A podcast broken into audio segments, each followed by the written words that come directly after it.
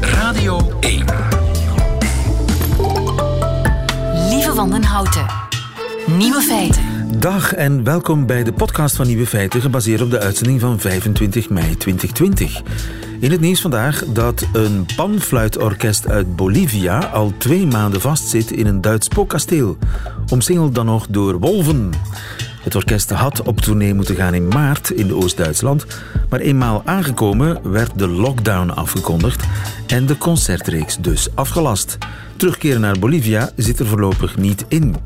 De muzikanten kregen onderdak in Schloss Rheinsberg, een oud kasteel waar de Pruisische vorsten vroeger vertoefden. Dat klinkt idyllisch, maar het domein rond het kasteel is het jachtterrein van 23 wolven. En ook binnen de kasteelmuren zijn de panfluitisten niet veilig, want daar waart, volgens de legende, de geest van koning Frederik de Grote nog altijd rond. Tenminste, als zowel de wolvenroedel als de koning er nog zijn. Want om zich nuttig te maken is het orkest altijd blijven repeteren.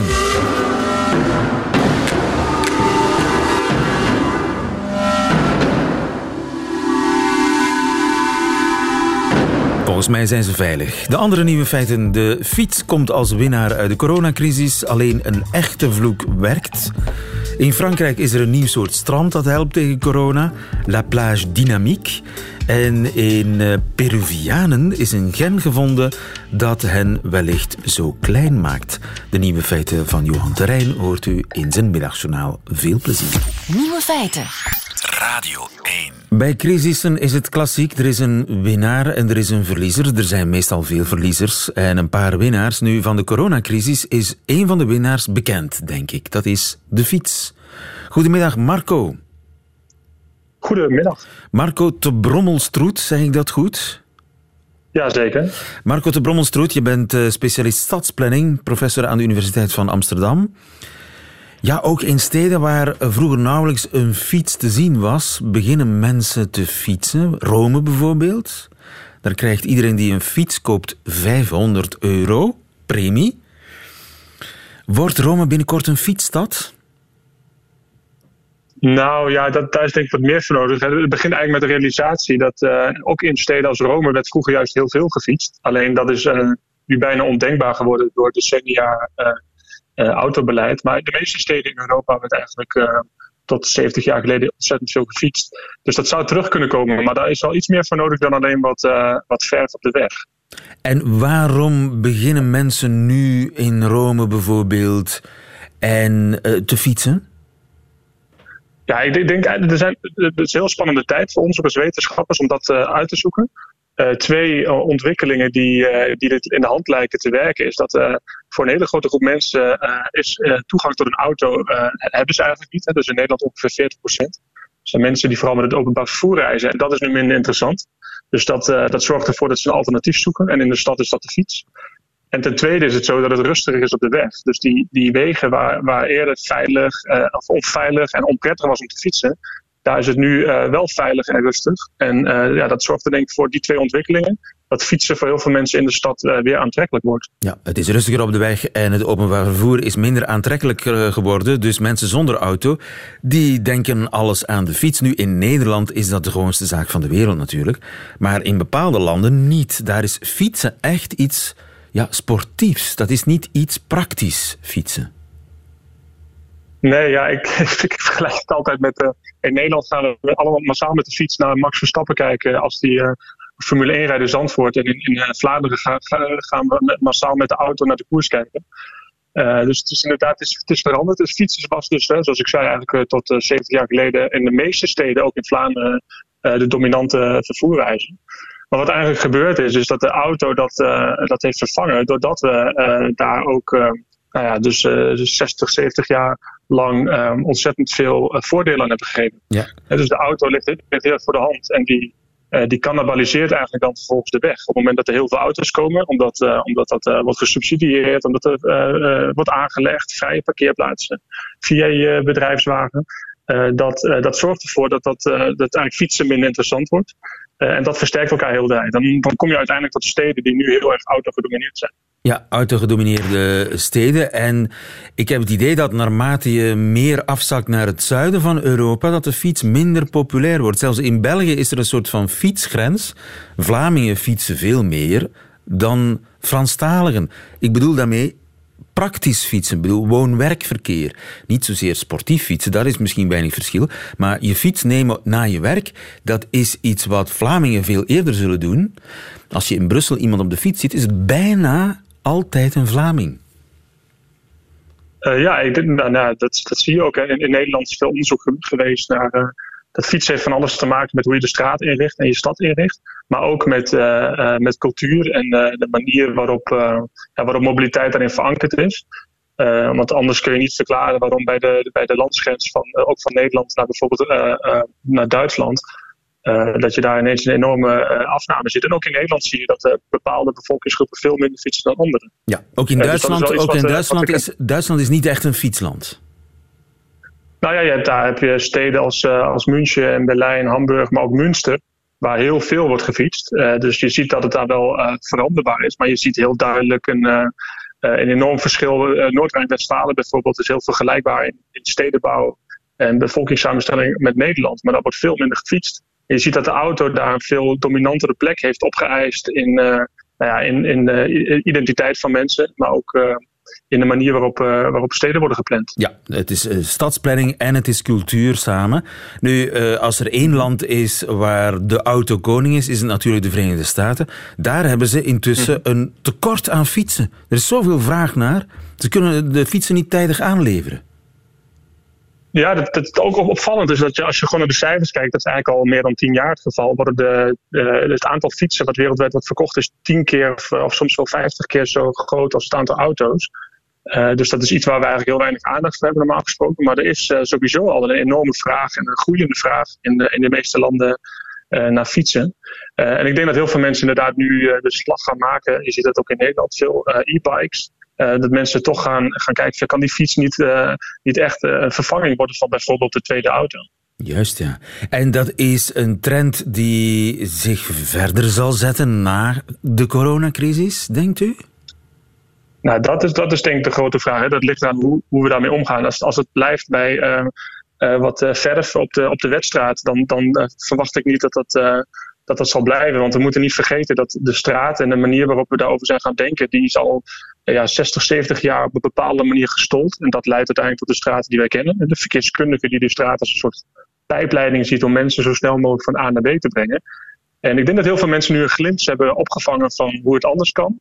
Maar als we dan ook echt willen dat het anders wordt uh, gebruikt, dan, uh, ja, dan moeten we het niet weer uh, teruggeven aan de verkeerskundigen. Maar dan moeten we daar met z'n allen moeten we die kans ook echt grijpen om anders over die straat te gaan denken. En dat is waar, uh, waar morgen ons, ons boek Het Recht van de Snelste verschijnt. En waar we proberen om mensen dat te laten zien. Dat we op een andere manier over de straat kunnen denken. We kunnen ook op een andere manier over de straat denken. Dat staat in jouw boek Het Recht van de Snelste, dat morgen verschijnt. Dankjewel, professor Marco de Brommelstroet ja. in Amsterdam voor ons. Goedemiddag. Dank je, dankjewel. Nieuwe feiten. Coucou de France met Alex Visorek. Kijk wie zwaait daar vanuit Parijs. Het is onze landgenoot en mijn collega bij de Franse radio, Alex Visorek. Goedemiddag, Alex. Goedemiddag, lieve. Ik hoop dat je een mooi weekend hebt gehad. Absoluut, uh, prachtig. Ja, fantastisch. In Frankrijk ook. Mijn eerste lang weekend gehad sinds de versoepeling van de maatregels tegen COVID-19. Dus wat zouden ze normaal, de Fransen, uh, doen uh, in zo'n lang weekend als het weer niet te slecht is? Wel, naar het strand gaan. maar hoe is het met de stranden? dat zal zeker ook heel wat Vlamingen interesseren? Wel, naar het strand gaan mogen ze wel. Die zijn sinds dit weekend weer toegankelijk, maar pas op, niet om het even welke manier. De Fransen hebben een nieuw concept uitgevonden, les plages dynamiques. Dynamische stranden. Dynamische strand. Wat moet ik mij daar in godsnaam bij voorstellen? Eh bien, dat krijg je dadelijk te horen als twee badmeesters twee vrouwen aanspreken die op het strand zitten. C'est une, une plage dynamique, il faut que vous bougiez, il faut, euh, faut pas que vous restiez assise comme ça. Aha, il faut bouger. Il faut bouger. Je moet bewegen. Eh, De regel luidt, je doet wat je wilt, zolang je maar beweegt. En dat vinden de Fransen maar een beetje absurd. Les sables mouvants relèvent-ils de la catégorie des plages dynamiques se demande un autre. Et puis, si je pose ma serviette, mais que je fais des pompes et du gainage, est-ce que ça passe tente un internaute. Aha. Ja, is drijfzand ook een vorm van dynamische strand? En wat als ik mijn handdoek op het strand leg, maar dan om push-ups te doen? Er zijn zelfs tweets met foto's van D-Day in Normandië. Eh, ook een voorbeeld van wat een dynamische strand kan zijn.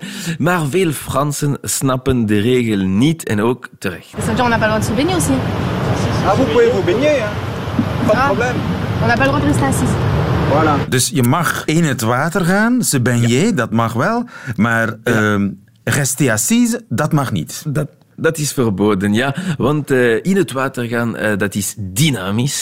Ze hebben het er toch wel moeilijk mee. Want je parasol eh, in het zand plaatsen en je handdoek op het strand is wel iets belangrijk voor de Fransen. Dat had een Franse socioloog beschreven in de jaren 90. Le parasol symbolise ici la hutte primitive, l'abri du clan, la sécurité affective, la base de départ pour conquérir d'autres espaces hostiles comme la mer. Ja, de, de parasol als burcht. Ja, dat is mijn land, betekent de parasol. Een eh, bubbel van waarop je de zee kan veroveren. Eh, Wetenschappers hadden zelf berekend dat de ideale afstand tussen twee families op een strand 3,60 meter was. Dat is wel meer dan anderhalve meter. Eh, maar al in de jaren 90 beseffen sociologen dat die afstand niet makkelijk te houden was. Cette famille est arrivée trop tard pour une place au bord de l'eau. Mais l'homme est un conquérant, un colonisateur. Il transgresse la règle instinctive des 4 mètres. Il déploie une activité musculaire dissuasive. Aha, een, afschrikwekkende musculaire activiteit ontplooit deze man die te laat gekomen was. dat is het. Eh, en dat is net wat je vandaag moet vermijden. Eh, maar het is niet alleen omdat ze hun parasol niet meer kunnen planten dat de Fransen boos zijn. Het is omdat ze de regels soms onrechtvaardig vinden. Is het in België misschien hetzelfde? Ik denk het wel. Eh, je mag bijvoorbeeld niet op het strand zitten, maar wel in het gras, waardoor veel mensen gaan liggen op het gras naast het strand. En dat vinden de Parisiens ook onrechtvaardig. Ook zij mogen wel op het gras zitten, maar ze kunnen het niet, want de parken zijn gesloten in de hoofdstad.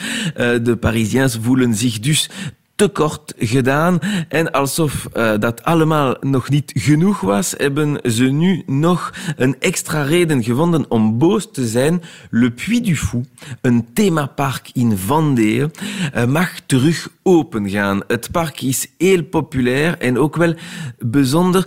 Er zijn geen rollercoaster of um, achtbanen, maar alleen reenactment van belangrijke momenten in de Franse geschiedenis.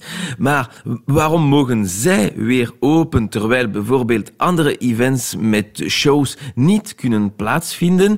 Dat heeft te maken uh, met het feit dat voorzitter van Le Puy du Fou, Philippe de Villiers, ook een vriend van Emmanuel Macron is. Aha. Toen Emmanuel Macron nog minister van Economie was, in de regering van François Hollande, een uh, linksregering, heeft hij Le Puy du Fou bezocht. Et alors, hoor je ik denken? Wel, je moet weten dat De Villiers ook een politiek figuur is van uiterst rechts. En daarom had er nog geen enkel socialist Le Puy du Fou bezocht. Maar het leidde tot deze opmerkelijke verklaring van minister Macron. Pourquoi c'est étonnant Franchement, vous avez une Il n'y a forme... jamais eu un ministre socialiste qui a visité le Puy du Fou jusque-là. Depuis Alors, 30, 40 ans. Vous êtes le premier. L'honnêteté m'oblige à vous dire que je ne suis pas socialiste. Oui, hij heeft het gezegd en dat was het begin van zijn campagne. Dat zorgt wel voor heel wat ophef. Uh, sindsdien is hij president uh, en weten we inderdaad dat hij geen socialist is. Maar wel vriend van Philippe de Villiers en ze hebben zeker iets gemeenschappelijk. Een passie voor de Franse koningen. daarom zijn linkse Fransen anti-Puy du Fou. de manier waarop de, de Franse geschiedenis getoond wordt is vol bewondering voor de macht en heel conservatief. En hun heropening zorgt alleen maar voor meer olie op het vuur. Oorlog tussen rechtse en linkse Fransen. Uh, die eerste lang weekend sinds de versoepeling uh, legt direct al iets bloot. De Franse burger worden geacht dynamisch te zijn, maar de oude debatten tussen burgers en politici zitten muurvast. Links versus rechts in uh, Frankrijk, comme toujours. Comme toujours. Dankjewel, Alex Visorek in Parijs voor ons. Tot volgende week. Nee, het is Pinksteren volgens mij. Ah, juist, inderdaad. Je verbetert mij. Je bent zeer bij de pinken. Tot over veertien ja. dagen dan. Alex Visorek, ja, goedemiddag. Ciao. Fuck, fuck, fuck, fuck, fuck, fuck, fuck, fuck, fuck, fuck, fuck this shit. Fuck, fuck, fuck, fuck, fuck, fuck, fuck, fuck, fuck, fuck, fuck this shit. Fuck, fuck, fuck, fuck, fuck, fuck, fuck, fuck, fuck, fuck, fuck this shit. Fuck, fuck, fuck, fuck, fuck, fuck, fuck, fuck, fuck this shit. He, he, dat lucht op, want een, uh, en dat is nu echt wetenschappelijk onderzocht, een nepvloek, dat klinkt misschien properder, Jan Dori, in plaats van godverdomme, maar hij werkt niet. Klinkt properder, werkt niet. Blijkt uit wetenschappelijk onderzoek. Joris Bruinings, goedemiddag. Goedemiddag, lieve. Je bent psycholoog en uh, docent. Het is een collega van u in Engeland. Uh, Richard Stevens heet hij. Die kwaliteitsonderzoek gedaan heeft op vloeken. Dat klopt. Uh, en dat is, hij is niet als een proefstuk toe. Want in 2010 heeft hij al eens een keer onderzocht of dat vloeken um, een pijnstillend effect op uh, mensen heeft. Hè. Als je met een hamer op je nagel klopt bijvoorbeeld en een ferme vloek ertussen gooit, dan zou die klop minder pijn doen. En hij heeft aangetoond dat dat klopt. Dat klopt, ja. En, en heeft daar een zelf... Ig Nobelprijs voor gekregen een paar ja, jaar geleden. Ja, ja, van de vrede, voor de vrede, ja. En, de, en voor de vrede, de Ig Nobelprijs voor de vrede. ja. Dat vloeken ja. wetenschappelijk werkt. Nu, uh, dit onderzoek is een vervolg daarop, een, een verfijning, een, een nieuwe stap. Ja, omdat uh, hij wou onderzoeken, is het nu effectief het vloekwoord of is het gewoon een, een soort fonetische ontlading? Of, of waar, zit hem, waar zit het nu juist? En hij heeft Ligt vier het aan woordjes. de kwaliteit van de vloek zelf? En hij ja. heeft inderdaad vier woordjes. En uh, wat voor woorden waren dat? Uh, wel, hij heeft dus het, het, het bekende woord fuck, um, dat bijna internationaal is geworden, hè, uh, als een van die woorden gebruikt. Dan fouch, dat erg klinkt op fuck, als je dat zo zou uitroepen uh, bij pijn. Fouch! Dan, ja, fouch! Ja, Ah, oké. ja, dan een te gek woord twistpipe. Uh, ja, van waar dat, dat komt weet ik ook niet, maar uh, voor toch te checken is een absurd woord even werk of heilzaam. En dan heeft hij een controlewoord solid er ook voor gebruikt. Solid. Um, dus dat zijn de vier, ja, solid. Dat zijn de vier woorden die de mensen mochten uitschreeuwen. Um, en heeft hij die mensen pijn gedaan? Ja, die mensen hebben zichzelf een stukje pijn gedaan door hun hand in zeer, zeer koud water te steken. Um, ongeveer 3 tot 5 graden. Ja, dat is en heel koud. zien Bijna Ja. bevroren. Dat is echt ijswater. Ja, ja, dat doet echt pijn, lieve. Ja. Absoluut. Ja. Oké. En dus ze moesten met hun hand onder water, onder dat ijswater. En ze mochten dan vloeken. Ja, en eh, dan werd er gemeten ehm, A, hoeveel pijn de, de proefpersonen ervaarden en B, hoe lang dat ze hun hand in dat koude water konden steken. Ja. En dus eh, eigenlijk een, ja, een vergelijkend kwaliteitsonderzoek tussen fuck, fouch, solid en twistpipe. Twistpipe, ja. Ja. Dat, zijn de vier woorden. En wat blijkt? En wat blijkt, eh, dat het enige echte heilzame woord fuck is. Dus al de drie andere, degenen die erop lijken of de absurde woorden, hebben geen pijnstillend effect buiten het woord fuck. Ja, alleen de real thing werkt. Alleen de real thing werkt. En dat is toch opmerkelijk, want ik had gedacht dat misschien de fonetische ontlading hè, van fout uh, ook zou werken, maar dat blijkt niet. Dat is toch wel merkwaardig. Hè? Dus als je dat naar Nederlands zou vertalen, dan zou alleen een echte godverdomme. Ik zeg hem nu even omdat het moet. Ja. Uh, ja. Waarde luisteraar. Ja. Mijn excuses. Maar alleen dat werkt. Alleen dat werkt, of ja, afhankelijk ook denk ik een stukje van cultuur. Hè. In Nederland zouden ze misschien kut of uh, klerenzooi of iets gelijkaardigs zeggen, maar voor ons zou godverdorie het enige, godverdoeme, het enige echte werkzaam zijn. En je zei verdorie, maar verdorie is eigenlijk al de nepvloek, hè? Dat is al, dat is al de, de, placebo, dat is al de proper, verproperde versie. Dat werkt misschien minder. Ja, en ik denk als je echt, en daar, daar komen we misschien al een stukje richting verklaring, als je echt zwaar op je duim hebt geklopt met een hamer, dat je niet verdorie of pot vol koffie, zoals Jommeke zou zeggen, roept, maar dat, dat, het, dat het echte naar boven komt en dus dat je jezelf het meest heilzame toewenst. Ja, je hebt geen tijd om na te denken over een proper woord. Het komt er gewoon spontaan uit. Dus wat, wat, zit, wat betekent dat nu? Betekent dat dat, dat ja, eh, diep in onze cultuur verankerd zit? Heeft dat met het verbod te maken dat op die woorden nog altijd rust? Ja, ik denk, ik denk dat we hier in de, de verschillende psychologische stromingen van verklaring uitkomen. De ene zal het diep geconditioneerd noemen. De psychoanalist zal het misschien ja, dat, dat, dat diep verbodene uh, noemen. Misschien zit het wel in ons collectieve onbewuste dat dat, dat, dat, dat hetgene is dat we moeten roepen uh, en dat het, dat het bijna een archetype is voor, voor te reageren op zo'n situatie. Uh, maar ik hou het erbij, het zit zeer diep geworteld. We hebben het van kinds af aan geleerd, gezien en, en het werkt. Ja. Mag het ook? Dat is een andere kwestie natuurlijk. Hè? Ja, in bepaalde culturen denk ik dat het absoluut not done is, of in bepaalde situaties. Maar als je nu naar de bouw gaat, lieve, uh, en ze zijn naast mij hier uh, serieus aan het bouwen, ik hoor toch op zeer geregelde basis stevig gevloek. Ja, en eigenlijk zegt de psycholoog nu dat mag. Ik vind dat uh, als we daar niemand mee kwetsen, uh, dat een goede vloek ehm, ter ondersteuning van het zelf zeker mag. Het mag van Joris Bruinings. Dankjewel Joris. Tot de volgende. Goedemiddag. Tot de volgende, lieve. Oh, fuck shit, bitch, damn cocksucker, pussy asshole cunt, motherfucking dirty whore, shat onto my lunch, piss cunt, damn bitch, suck my dick, Jesus, Harold Christ, shit, bitch, cocksucker, goddamn motherfucker, pussy asshole cunt. Radio 1 Nieuwe feiten.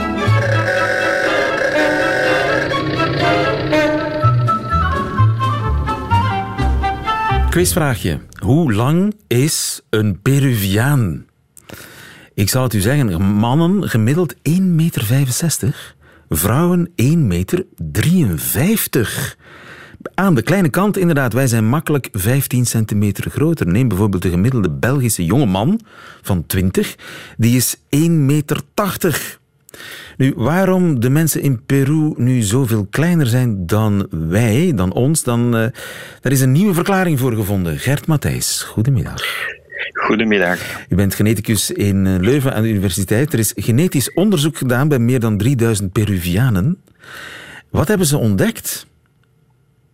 Goh, daar is één gen uitgekomen, of één genetische variant uit een genetisch onderzoek, waarvan men weet dat die een klein beetje meer invloed heeft op de lengte.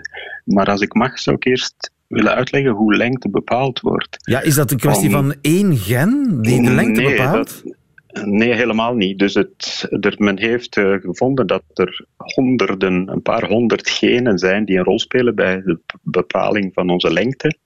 En in die genen uh, zitten duizenden varianten over alle bevolkingen heen. Dus ieder van ons heeft eigenlijk een aantal van die varianten, een groot aantal. En je krijgt dus een soort getouwtrek tussen varianten die allemaal ofwel een beetje positief ofwel een beetje negatief de lengte beïnvloeden. Ja, en, daarbovenop- en er is dus één van die, van die... Want we moeten een beetje snel gaan, want het einde van het programma komt er sneller aan dan we denken. Dus eh een van die varianten eh, heeft kennelijk een sterke invloed op de lengte van met name de Peruvianen. Ja, dat klopt. Dus eentje daarvan zou, de variant zou zorgen dat de Peruvianen gemiddeld 2 centimeter korter zijn. En als ze de variant twee keer hebben, dan zijn ze 4 centimeter korter. Aha, dus voor genetici is dat nu ineens wauw. Want de meeste varianten die wij hebben, zijn praktisch onmeetbaar of bepalen heel weinig. Of de verschillen zijn heel klein. Dus nu heeft men ineens het idee van, ah, we hebben een gen gevonden dat een rol speelt dat gen kan men verklaren eh, dat het inderdaad een rol speelt bij lengte. Het is een gen dat normaal zorgt voor de trekkracht van onze, bijvoorbeeld onze bloedvaten. Dat is een heel vreemde link met de lengte natuurlijk. Maar eh, men probeert het op die manier te verklaren, maar het blijft een beetje gissen. Dus het is een gen dat als je, als je het van je beide ouders hebt gekregen, ben je gemiddeld 4,4 centimeter korter. Dat is enorm eigenlijk. En het is een, een gen dat eigenlijk ja, iets doet met de sterkte van het weefsel. Ja, dat is het. Dus men kent dat gen vrij goed. En eh, hoe moet je dat voorstellen? Het gen zorgt voor een soort eh, trekkracht. De gemakkelijkste manier is om te zeggen van kijk, als je een tuinslang hebt, dan is die van plastic. Als je daar een versterking hebt van nylondraden, van nylonweefsel, dan is dat fibrilline gen, zorgt dan voor die versterking. Aha, en dus die Eh, Peruvianen wel- hebben die versterking minder dan. Wel, men, men is er niet zeker van of, het, of het echt op, werkt op, eh, op de sterkte van de bloedvaten. Want dat gen heeft ook nog een aantal andere eh, taken in ons, ons lichaam. Maar het was natuurlijk verleidelijk om te zeggen dat het met die lengte eh, van, eh, van die bindweefsels te maken heeft, met hartcapaciteit. Maar eigenlijk weet men het niet. Eigenlijk weet men het niet, Eh, maar het is een, gen dat eigenlijk eh, weinig voordelen biedt. Waarom is het dan nog niet weggeselecteerd door Darwin? Blijkbaar komt het meer voor in mensen die bij de kust wonen en minder in de bergen. Dus ergens moet er een selectie gebeurd zijn. Maar omdat de maat van selectie zo beperkt is, is het echt niet duidelijk waarom die, ehm, waarom, wat de rol van dit gen is. Maar ik maak misschien een sprongje naar eh, Inuits. Daar heeft men dan weer een ander gen gevonden dat een rol speelt bij lengtebepaling. En daar zou het iets te maken hebben met voeding en de manier waarop Inuits vet verwerken. En daar kan je wel zeggen dat dat een selectiemechanisme is. Maar, maar hier bij de Peruvianen is het voorlopig gissen. Eh, Is het gissen, misschien is het gelijkaardig a- aan het systeem bij de Inuit, waarbij ze een bepaalde genmutatie hebben die, hen, die hun dieet vraagt, namelijk veel vette vis, neem ik aan, en, Mhm. en wat, wat, ja, walvis, blubber en dat soort eh, moeilijk verteerbare eh, materialen. Eh, en, en dat houdt hen klein, dus het zou kunnen Mhm. dat daar in, in Peru iets gelijkaardigs aan de gang is. En dat zou verklaren waarom het gen of die mutatie vooral bij mensen die aan de kust wonen eh, gevonden is. Dat klopt, ja, inderdaad. Maar er blijven nog veel vragen over. Dankjewel Gert Matthijs voor Ja, deze goeie. uitleg over de lengte van de Peruvianen. Ja, alsjeblieft, goedemiddag. Dat waren ze de nieuwe feiten van 25 mei, maandag 25 mei 2020. Alleen nog die van Johan Terrein hoort u in zijn hoogstpersoonlijke middagjournaal. Nieuwe feiten. Middagjournaal. Beste luisteraar, al enkele weken heb ik de gewoonte om met mensen af te spreken in een bos rond de klok van vijf uur 's ochtends. Voor u zich allerlei viezigheden begint in te beelden, A Dirty Mind is a Joy Forever. Dat doe ik voor mijn nieuwe podcast Het Uur Blauw. Had je me een jaar geleden gezegd dat ik ooit naar het zonlicht ging wandelen met mensen in rouw, ik had je voor gek verklaard. Maar kijk, het gebeurt en ik, mijn wandelpartner en mijn luisteraars hebben er deugd van. Hoewel het donker is, hoewel we elkaar in de meeste gevallen nog nooit gezien hebben, toch moeten we geen anjers opspelden of andere tekens afspreken om elkaar te vinden. Meestal staat mijn auto er eerst, sta ik ergens met mijn hand in de lucht vogeltjes op te nemen en komt er een tweede auto aangereden, waardoor ik noodgedwongen mijn opname stop. Iemand stapt uit, ik zie geen gezicht, maar ik ken wel al een naam en een verhaal. Er volgt een serene goeiemorgen, waarin ook te horen is dat het opstaan moeite heeft gekost. Het is een bijzonder moment. Het heeft iets van een ritueel. Hoewel we twee onbekenden zijn voor elkaar, weten we dat we ook iets gemeen hebben. We zijn allebei iemand kwijt. Het gesprek begint. Wat we onderweg te zien en te horen krijgen is de wereld in het wild. Een konijn of 700, een gans of 65, een vos of één, een dakloze in een slaapzak, een verwarde vrouw die de hondtallen uitlaat, een bonte specht, een man op een fiets die tien keer opnieuw voorbij komt, een motorrijder in het pikken donker op een bospad. De echte Vlaamse wildlife komt tot leven. Je kan er zo de stem van Sir David Attenborough onder zetten. The motorbiker seems to feel the urge to drive hard through the dark woods in order to avoid a lockdown gas fine. Na een uur is de zon op. Pas als ik een gezicht zie bij het verhaal, nemen we afscheid. We hebben de wilde wereld zien wakker worden en zijn al die tijd op anderhalve meter van elkaar verbonden geweest.